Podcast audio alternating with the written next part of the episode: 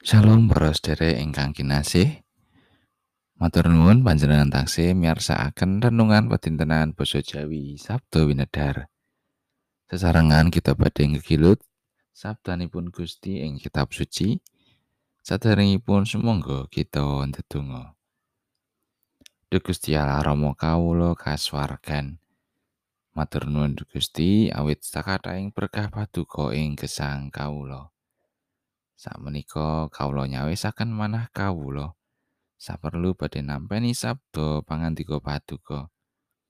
Sumangga Duh Gusti mugi roh suci paring pepadang ing manah kawula.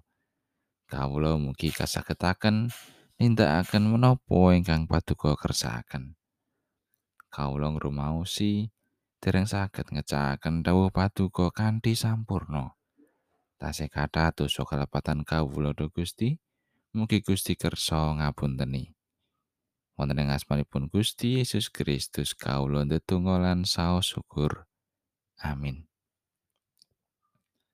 Waosan dinten menika kapendet saking serat Ibrani bab sedasa ayat 16 ngantos tigang dosa setunggal. Jalaran menawa sawise tampa kawruh ing bab kayekten kita jarak gawe dosa. Mesti ora ana kurban maneh kanggo mbirat dosa iku.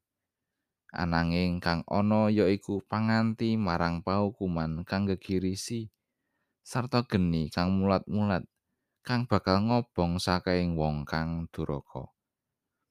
Menawa ana wong nampik angger-anggere Nabi Musa iku kaukum pati tanpa palimirmo kanthi paseksene wong loro utawa telu.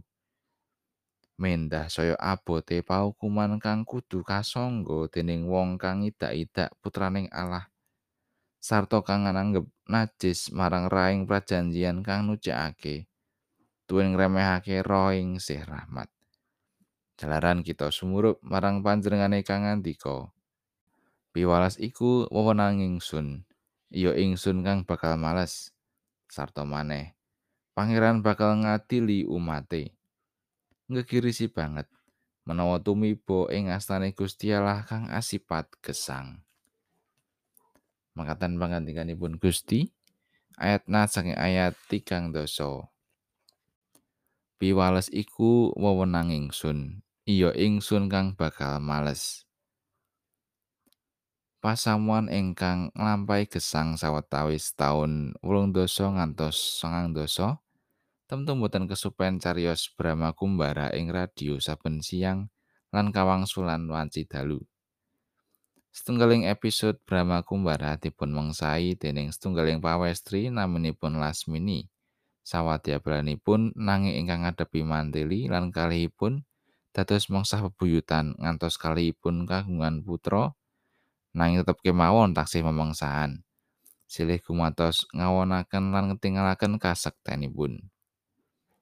Yektosipun cariyos menika badhe paring sumerep dumateng ingkang mirengaken. Bilih memangsan lan wales winales menika boten sae lan badhe nuwuhaken dendam. Temtu rampungipun benjang menapa gumantung kalian ingkang perdondi utawi turunipun menika.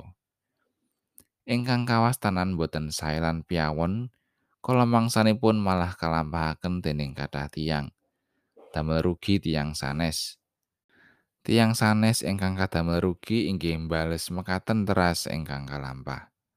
Pramila kanthi manah ingkang tinar buka, sumangga pasamuan ngaturaken wekdal ening sawetawis ngemut-emut kalampaning gesang menika kanthi pitaken. Menapa ing gesang menika pasamuan taksih mendhet hakipun Gusti Allah krana ginakaken wewenanging Allah. Dados umating Allah menika panci boten dipun keparengaken namung gugup kajengipun piyambak. Kedah ajri asih lan boten dipun keparengaken jeksani sinten kemawon. Menapa malih demen bales kalawan tumindak awon. Gusti Yesus dawuh supados kita sami tresna dhateng sesami. So tansah enget menawi piwales menika wewenangipun Gusti Allah. Amin.